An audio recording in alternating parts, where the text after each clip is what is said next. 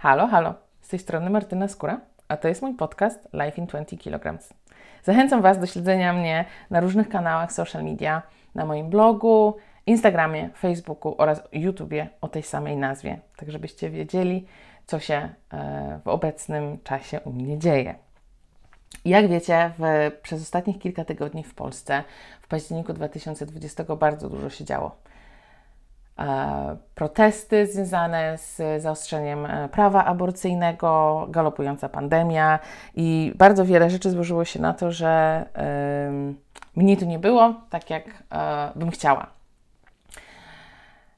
Przez ostatnie 2-3 tygodnie zastanawiałam się, co Wam powiedzieć. Jaki nagrać podcast, który z jednej strony wyrażałby to, co czuję, E, podczas tego, co się obecnie dzieje, który wyrażałby moją solidarność z kobietami, e, ale który pokazałby również moje doświadczenie pracy z kobietami e, oraz kobiet spotkanych gdzieś w podróży.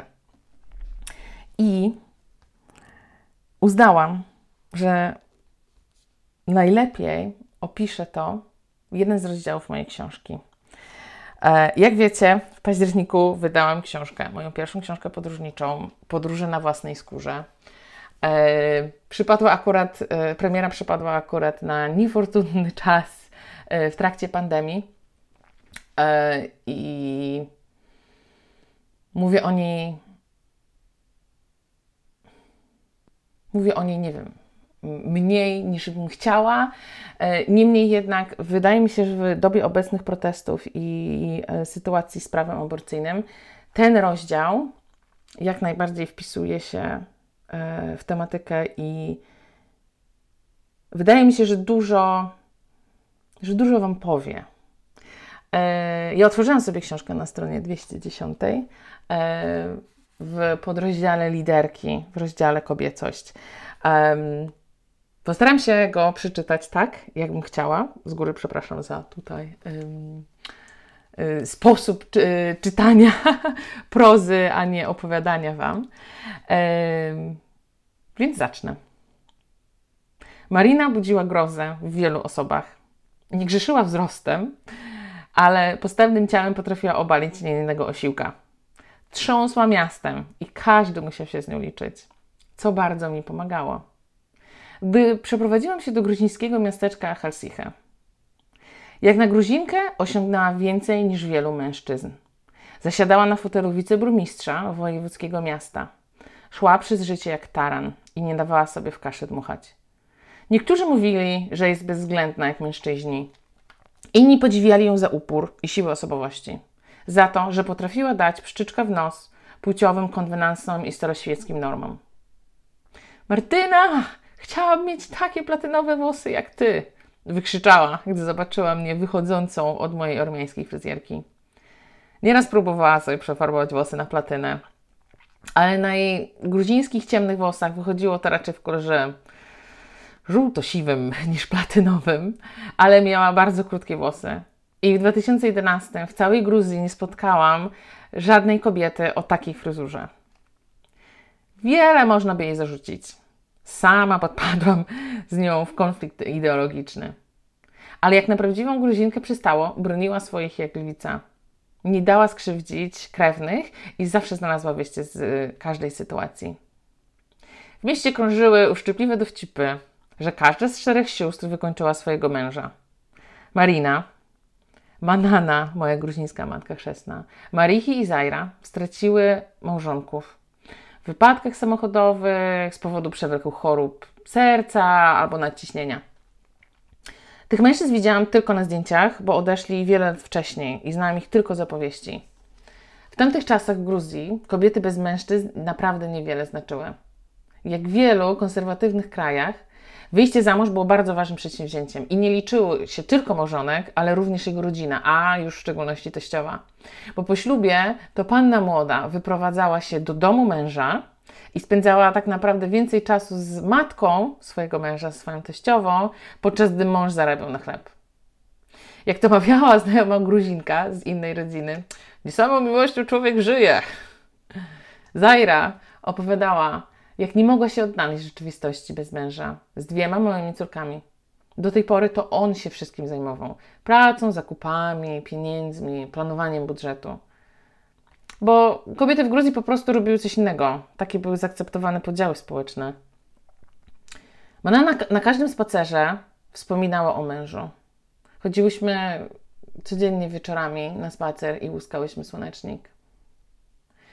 Noc wypadku pamiętam, że relacjonowała mi z pamięci, mimo że w nim nie uczestniczyła. Opowiedziała mi o każdym uczuciu i emocji, które jej towarzyszyły, gdy odebrała telefon z informacją o śmierci męża. Wszystkie cztery siostry pozostały bez małżonków, bez zasiłków, z dwójką lub trójką dzieci na wychowaniu. W kraju, w którym kobieta niewiele znaczy, bez męża, a już na pewno nie zarabia wystarczająco, aby utrzymać dom i całą rodzinę, bo przecież zostali jeszcze rodzice i teściowie, którymi należy się zaopiekować. Cztery siostry nie stanowiły wyjątku. Takie kobiety w Gruzji można było znaleźć w każdym mieście lub wsi. Ale po jakimś czasie w Achelsichem powstała organizacja wspierająca kobiety. Pierwsza taka w regionie. Z siedzibą w starym budynku, ze starymi schodami, nieszczelnymi oknami i ogrzewanymi kozą, pomieszczeniami, organizacja stała się miejscem, w którym kobiety mogły szukać pomocy. Marina była głową, szyją i mózgiem całej organizacji.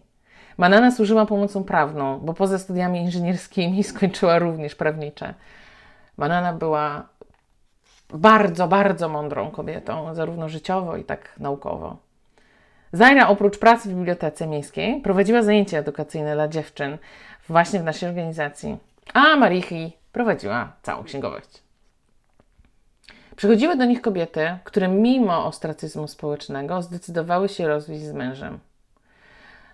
Dopóki był tylko mnie, znosiłam to.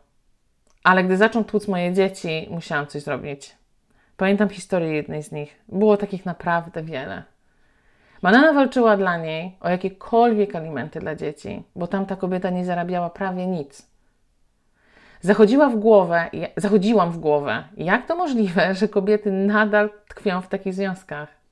Akceptują romanse mężów, których ci wcale się nie wstydzą i ich nie ukrywają. Wiele godzin spędziłam z moimi koleżankami z pracy, młodymi, starszymi, które próbowały mi wytłumaczyć, że nie mogę swoich europejskich i liberalnych wartości przenosić na tamtejszą rzeczywistość. Nie da się porównać kobiety zostawionej przez męża w Polsce i w Gruzji. Mniej lub bardziej regularnie pojawiała się w naszym biurze lekarka. Był to leka była lekarką rodzinną, do której kobiety przychodziły na konsultacje i podstawowe badania. Gdy zachorowałam, również do niej poszłam, bo miejscowa poliklinika przyprawiała mnie od reszty. Wydaje mi się, że słowo klinika to już jest słowo na wyrost. Zardzewiałe metalowe części, opadający tynk, dziwny zapach unoszący się w poczekalni. To wszystko dalekie było od tego, co pamiętałam z polskich przychodni, na które też nie jeden narzeka. W 2011 Organizacja dla Kobiet prowadziła jedyny gabinet ginekologiczny w regionie. Chyba znowu troszeczkę e, szumnie nazwany gabinetem. Nasza ginekolożka jeździła po wielu regionach w całym kraju i badała zgłaszające się do niej pacjentki. Pamiętam soboty, gdy pod organizacją podjeżdżały autokary. Wysypywały się z nich kobiety w każdym wieku. Niektóre miały 70 lat, urodziły pięcioro dzieci, a nigdy nie badane były ginekologicznie. Opowiadały mi o domowych sposobach przeprowadzania aborcji albo przenoszeniu spirali o kilka lat, nie wspominając już o długiej liście stereotypów na temat podstawowej edukacji seksualnej. Na przykład nie wiedziały o tym, że kobiety w ciąży nie powinny pić alkoholu ani palić papierosów. Co sobotę zbierała się również, zbierały się również kobiety ze szkoły politycznej.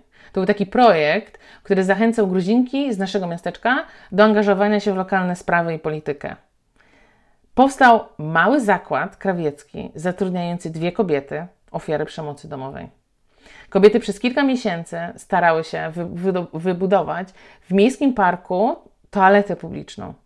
Podczas gdy mężczyźni za potrzebą szli w krzaki lub za róg budynku, kobiety z dziećmi, bawiącymi się na placu zabaw lub podczas robienia zakupów w pobliskich sklepach, nie miały gdzie za załatwić swoich pod podstawowych potrzeb fizjologicznych, swoich ani dzieci. I te wszystkie kobiety ze szkoły politycznej działały właśnie w tej istotnej sprawie dla nich, dla, dla ich potrzeb, dla ich miasteczka. Cztery siostry, Marina, Manana, Marichi i Zaira, stworzyły miejsce i oferowały pomoc, której same nigdy nie zeznały. Lokalni mieszkańcy im dużo, mieli im dużo do zarzucenia. Sama mieszkając tam i pracując dla nich, nie zawsze się z nimi zgadzałam. Serio. Nie, nie zgadzałam się z niektórymi działaniami. Popadłam nawet w konflikt z koleżankami, który swego czasu w Gruzji nazwałam kryzysem numer 3. Miałam jeszcze dwa inne kryzysy. Pierwszy był związany ze standardem życia i yy, kiepską kanalizacją w moim mieszkaniu, a drugi był związany z bezpieczeństwem, bo w tym momencie nie czułam się bezpiecznie. Z koleżanką ze Stanów przecierałyśmy oczy i pukałyśmy się w głowę na po, niektóre pomysły działań naszej organizacji, bo nie do końca to rozumiałyśmy. Wydawało mi się wtedy, że wszystko musi być idealne, tak jak w Europie, tak jak znałam, bo tylko to działało, było efektywne i uczciwe. Ale z biegiem lat, po odbyciu wielu podróży, podczas których obserwowałam społeczności lokalne, pracowałam z nimi, widziałam ich samodzielne próby rozwiązywania swoich problemów, nabrałam trochę więcej pokory bo okazało się, że nie wszystko to, co ja wiem i moje doświadczenie ma sens wprowadzania w danym kraju, w danej organizacji. Organizacja gruzińskich kobiet odbiegała od idealnej, transparentnej czy efektywnej, ale działała dla kobiet w kulturze, gdzie, kobiet, yy, gdzie kobiecość nie jest przywilejem, a kobiety walczą o siebie i o swoją rodzinę każdego dnia. Moje koleżanki też walczyły, jak umiały. Nie mogłam odmówić im wielkiego wkładu w budowę kobiecej wspólnoty naszego miasteczka. Taki był gruziński wymiar kobiecej solidarności i pomocy.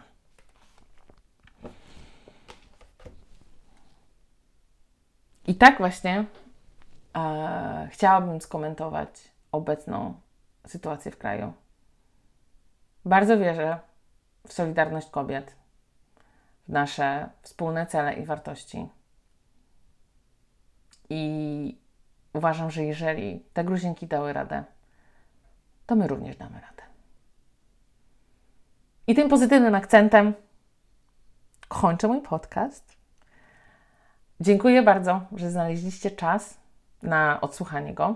Zachęcam Was do kupienia e, mojej książki, ponieważ jest tam dużo więcej historii. Książkę możecie nabić albo w księgarniach stacjonarnych typu Empik, Świat Książki, albo online również na stronie wydawnictwa Wielka Litera. Możecie mnie również śledzić na kanałach social media, na Facebooku, Instagramie, na YouTubie e, oraz subskrybować mój podcast, tak żebyście wiedzieli, kiedy pojawia się nowy odcinek. Dziękuję bardzo i życzę Wam miłego dnia.